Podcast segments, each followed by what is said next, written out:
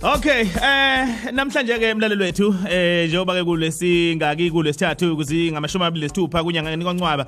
Sikhuluma indaba la yokuthi kunabantu abadayisela abantu izindlu kanti kudayiswa lezo zindlu nje seyidayisela mhlawumbe abantu abawu4 noma seyidayisela abantu ababili noma mhlawumbe sidayiswa nje sinabanikazi bazo. Eh abantu baqola abanye abantu egameni lokuthi bethi badayisa izindlu. Namhlanje sikhuluma nowesifazane la ugama lakhe nokuthula masango oqolweke imali inkampani ethi dayisa eh imizi. Sizophinde sikhulume futhi nommeli ke la eh usifiso ke emsomi ozofundisa ke ngokumele ke abantu bakubheke eh ukuze ke bangayitholi bedayiselwa ke imizi bakwethu engekho. Ukhona kunokuthula la esinayo emsakazweni ukhoze FM ngalesikhathi. Sikubekelele nokuthula sawubona? Yebo njani futhi? Siyaphila dadewethu? Hayi ngiyaphila nami futhi. Awusilandise iyenzeka kanjani le ndaba ukuthi uqolwe imali umuntu ethi udayisele umuzi?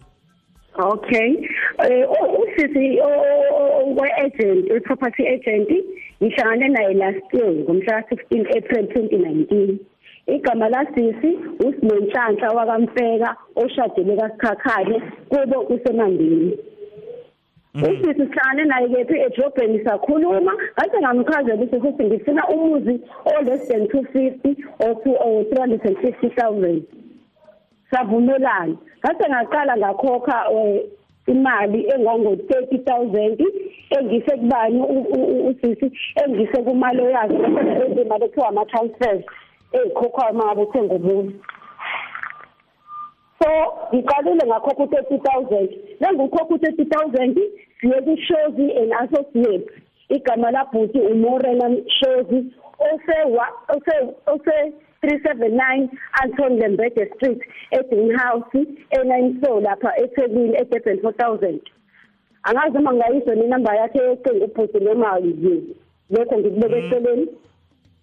Hayi no noma asithi asithi asithi kuyeqokwa manje. Oh eh ngayikhokha u30000 ibhuti leyo mali ngikhokha umhla ka1 July 2019 saphinde futhi nosisi sinhlanhla kamfela.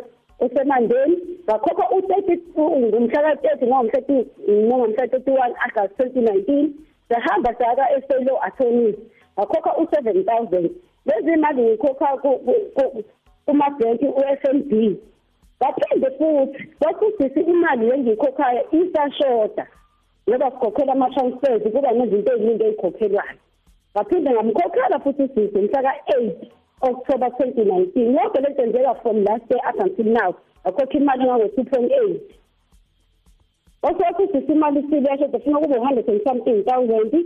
Senzelani senzela ukuthi uma ngabe uslip ngoba uthatha isikhathi eside ukuthi ukhiphe imali khona le mali leyoqhasa e-cash of slip for umuntu osebenzayo uhola imali encane.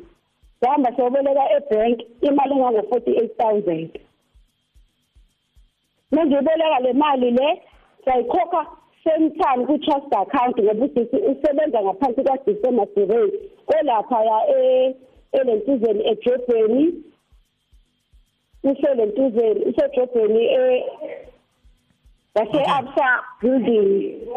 So manje ikhokha le mali engango 40 ihambe straight yangena to his account uDecember Siray okuyile ntuzana okuyi trust account. Okay.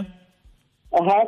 Kaphinde futhi Yeah. umhla ka2 December 2019 ngakhokha imali engango 9000 300 rand uDecember sire usisi lo osinenhlanhla wakamfeka usebenza ngaphansi kaDecember sire uDecember sire futhi uphethe indaba zelentuzana zezindlu ngale nkathi customer Okay. sire selikhokhile lezi mali lezi ezifunakalayo lena bashintshelayo abashintshele zonke lezi zinto namatayiteli izinto ezikanjalo seyimali manje ihlanganisa futhi njengoba sengize ngakhokha ngahamba ngoboleka e-capital bank imali engange-48 000 imithi ihlangene yonke imali mase from last year ngoba imali ngiyiboleke last year. Kuze kube uh-huh. imali. Mina e-capital bank bese ngikhokha u-two thousand and fifty-five rand each and every month oyi-interest up until now. Imali yonke mase ngiyihlanganise esengiyikhokhile kusisi ngobuyena bengihambisa kulamali wayo uyi-hundred and fifteen thousand. 115000 okay. Ah, ah, ah, yeah. Kancane nje dadwethu ngoba sinayilo sisi la njengamanje la eolayinini sisafisa ukuthi ke sithi kumbuza nje umbuzo embalwa na? Usisa wasathola fonini mina sengisikhothile akasatholakala. Awuthi ke sizama ukumthinta. Okay.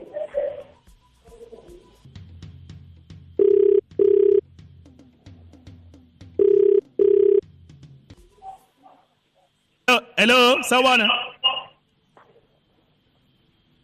sawubona dadewethu hello? Yebo njani sisi hallo yebo sisinjani awu hallo hayi khona engathi ucingo uyalivala. Eh ake siphinde si- sizame ukumthola. Okay. Aha. Ake siphinde sizame ukumthola la ucingo ngathi uyalivala udadewethu ngoba uma sithi hello hello akaphenduli lapha. Um umuntu ofuna ufuna ufuna yashintsha izwini bakithi. Asizwakale ngelinye. Akathi sizame ukushala sibone uzolibamba yini.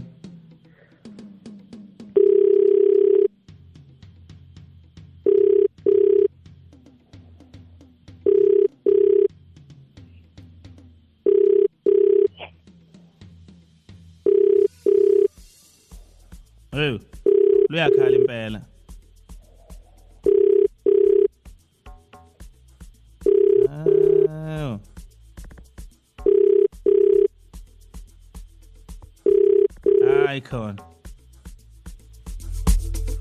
Awu, akasalibambi ke manje. Awusho mhlawumbe ngisuke ngajampisa nami akasakhonakala efonini uma ngabe leseyi Eh. usisi ngikhuluma naye ku-whatsapp ucingo nje akalibambi vele usulivulile icala emaphoyiseni mhlambe ku- ku- kuhamba kanjani ey'nyathelweni uqala zomthetho ngayo Khona uzithatheni? emaphoyiseni kwathe emaphoyiseni sinengiyeka eseyile wathonizi mengiya lapho kaseyile wathonizi ngiyofawunda ngoba nami bese ngizenzela uphenyo lami eceleni ngathola ukuthi kwawona lo muzi lo abangidayisela wona ngoba usithi sicale naye last year sihambe imizi engisa kodabiyi kobandani bani ngoba bengifuna imizi emlazi vele kahle kahle. Apha ngithi ngofebruwari kanti usisi vele imali useqalile uyayilanda kumorena shozi owushozi and associate lo lapha elentuzeni egreenhouse ethekwini.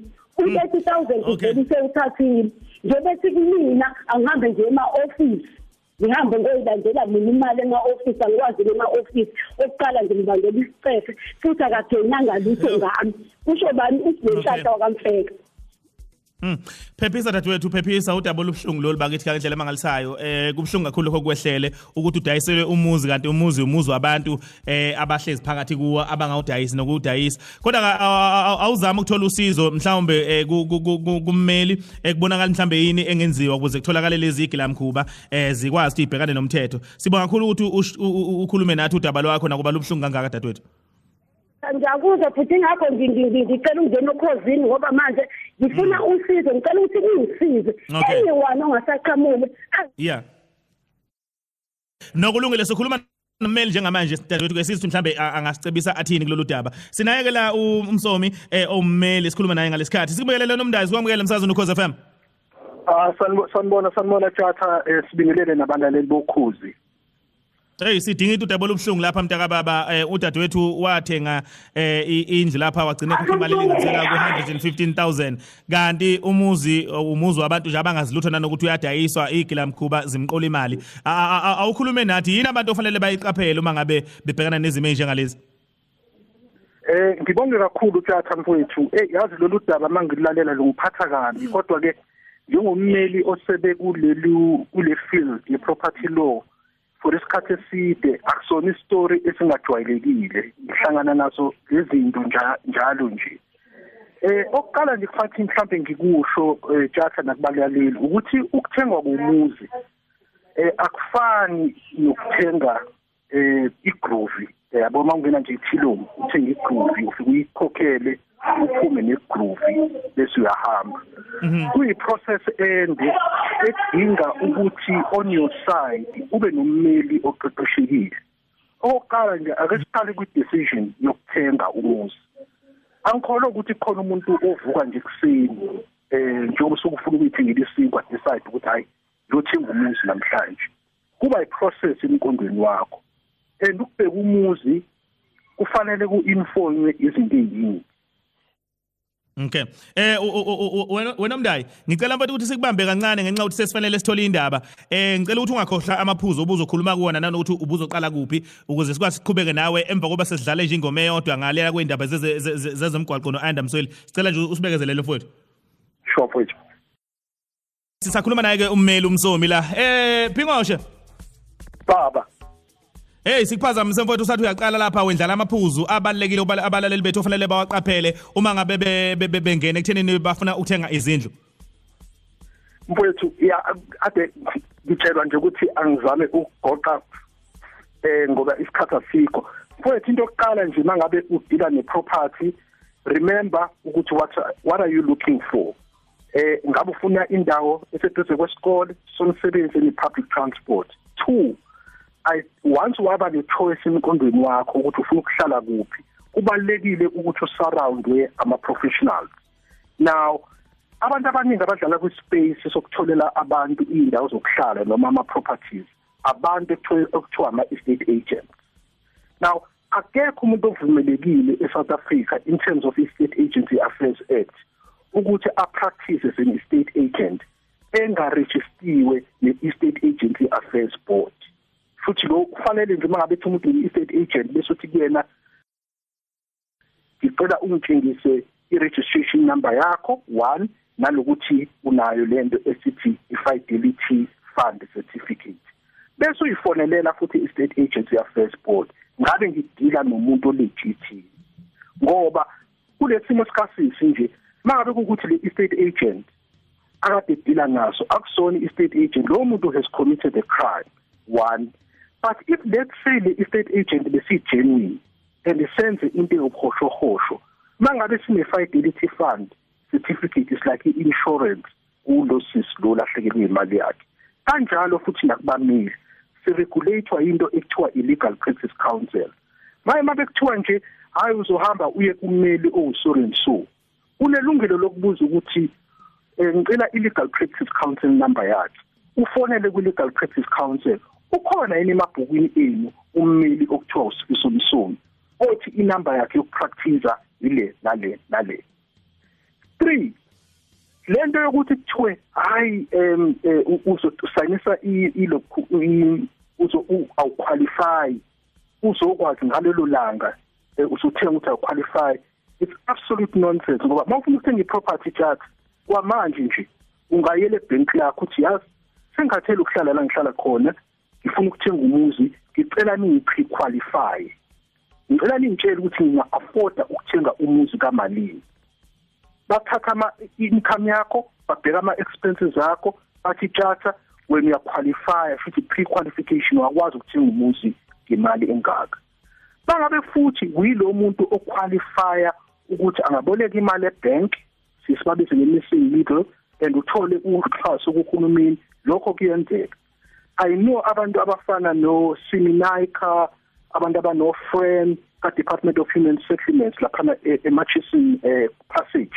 Mabefika abantu bayakwazi ukubasiza ngepackage ethu FISP bazokubheka ukuthi ukhola malini bakutshela ukuthi uhulumeni wakusiza into engakanani base uyitholile iproperty yakho uyahamba uyise kubona baprocessele application so izwi lami ngemfowethu engingalisho tjatha ngigoqa ukuthi kubalekile ukuthi abantu bazi ukuthi one ukuthenga iproperty immovable property umuzi iflat umhlaba akufani nokuthenga isinkwa.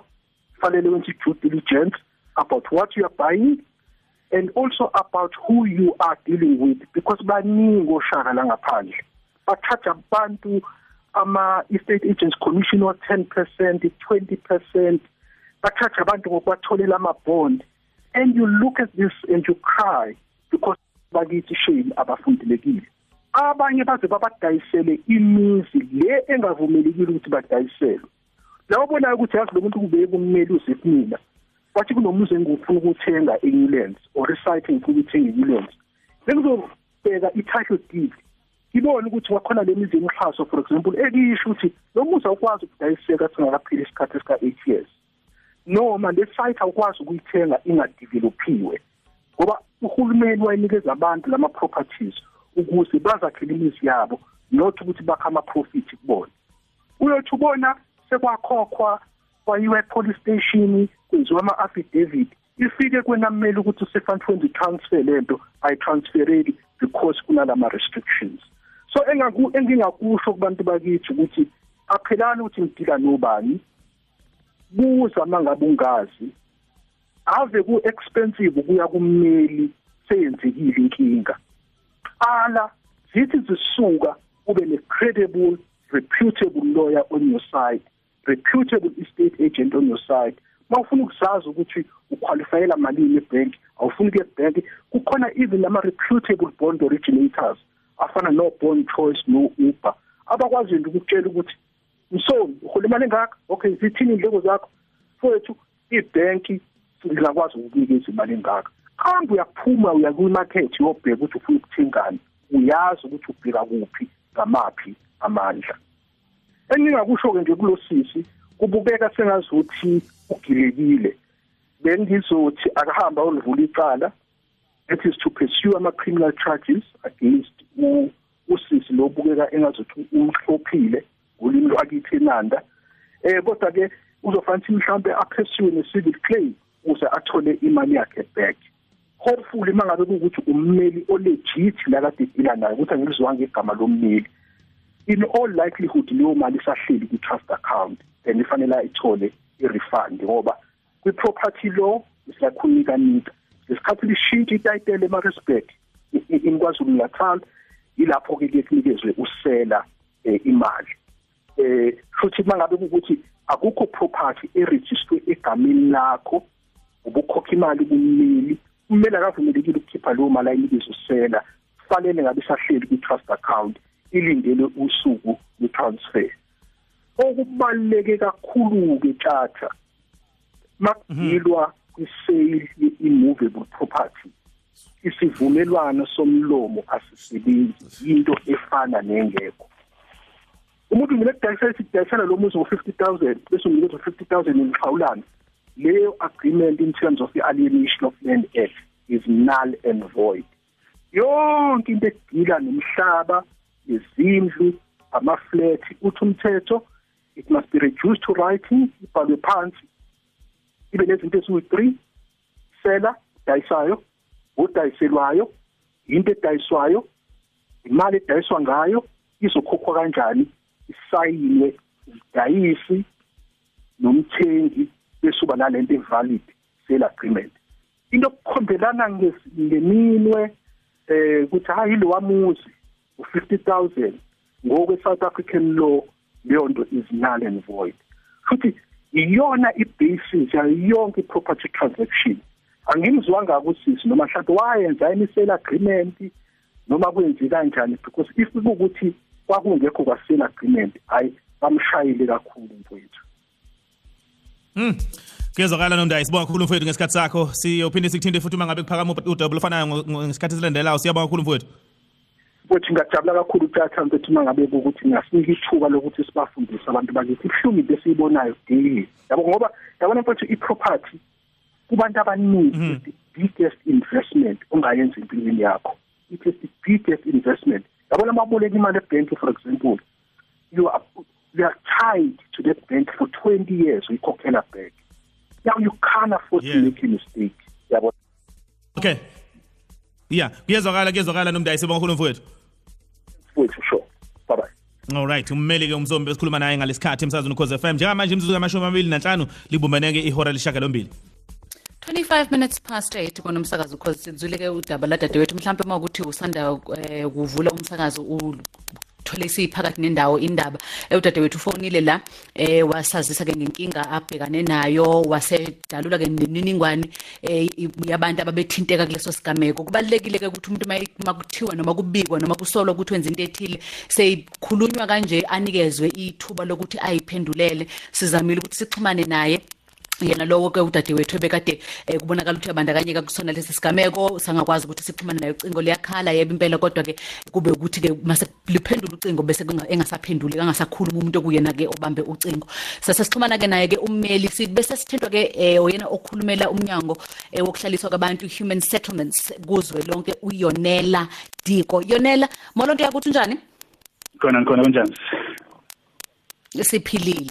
Ngiyaluzwa ke udaba eh mhlawumbe nje kafushane masi- masithatha nje si- silusonga silibheka eyimone efana nalezi sizwile kummeli sizwile kudade wethu iziphi izinto e- e- enifisa ukuthi mhlawumbe nisiqwashise ngazo njengomnyango zokuhlaliswa kwabantu?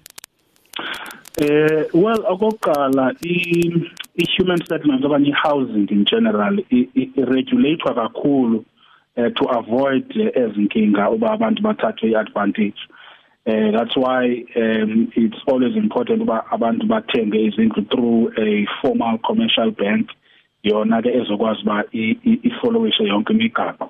Uh for example if uthenga let's say uhola within our department uhola between 1500 and 15000 you qualify for izindlu under affordable social housing. Corners flats is the, that are nice and some houses that the minister has been opening. Then you know that yonke into oyithengayo inala inesa stamp se South African Housing Regulatory Services which is which is uh, part of uh, the human settlement entity ekuxelela about this house is regulated equality yayo injani uh, and if unenkinga uyakubana then of course kunazo kuthiwa FLISP which is ubuhola between 3500 and 22000 uyakwazi ba uthenge they are highly subsidized ubhatala imali encane. And then of course you will know but there is also under human settlement is guided. In a stamp ska sisi se FLISP esibonisa ba this is under uh, a human settlement quality is guaranteed uh, and you know where to go uma unenkinga.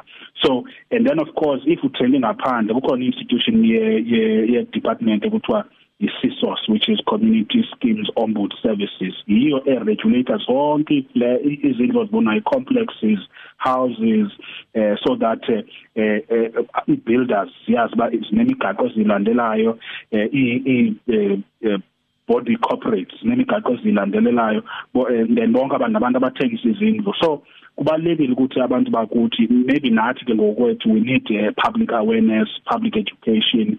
Eh abantu bakwethu bangafoli kwi trap apho bazibona bethengiselwa izindlu ngabantu abazoba roba nabazobatsotsa bathatha imali zabo. So what she can do then now is to approve is to approach offices as a, as a CSOS which is the community schemes ombud services um angagooglisha ajonge inamba zabo ajonge website by office zabo ezisesentini as the main offices afonele bona athi inkinga yakhe uba itheni then uh, it's a regulatory board and and eventually a regulator. Zonke izindlu ezikhoyo i-complexes i-flats i-houses so that izilandele imigaqo. Afonele bona then bakwazi bayilandele bakwenzekeni bamguide. But more than anything it's important abantu bakuthi bazama ulandela formal channels sokuthenga iproperty as as ummeli beshilo ukuthi iproperty iyona nto ibalule iyona investment especially thina abantu bamnyama eh coming from uh, the struggle lesikuzo iyona first investment esiye sifake imali enkulu kuyo. And so uh, I feel for her that this this may well be um, a, a painful journey but sikhona i opportunities soba angakwazi ba empower department ilandele bakwenzekeni so that kurecoverishwe lo mali and going forward afollowishe proper channel use a proper bank use a proper institution ka department to buy i property. Yonela enkosi kakhulu ixesha lakho bhuti Dabulela uyonela diko okhulumela umnyango we-human settlements kuzo lonke beyisambeli sethu ke njengoba sibheka lona-ke udaba lukadadewethu oxhumane nathi eh ngesimo abhekana nasezithola ekusona sokuthi ethi uthenga umuzi kanti sengathi khona okungathi ncam umnqwazi awuqini tututu ngalento wase esazisa-ke njengoba kade sesizwa kuyena-ke ummeli siza nakubona-ke bomnyango bezokuhlaliswa kwabantu.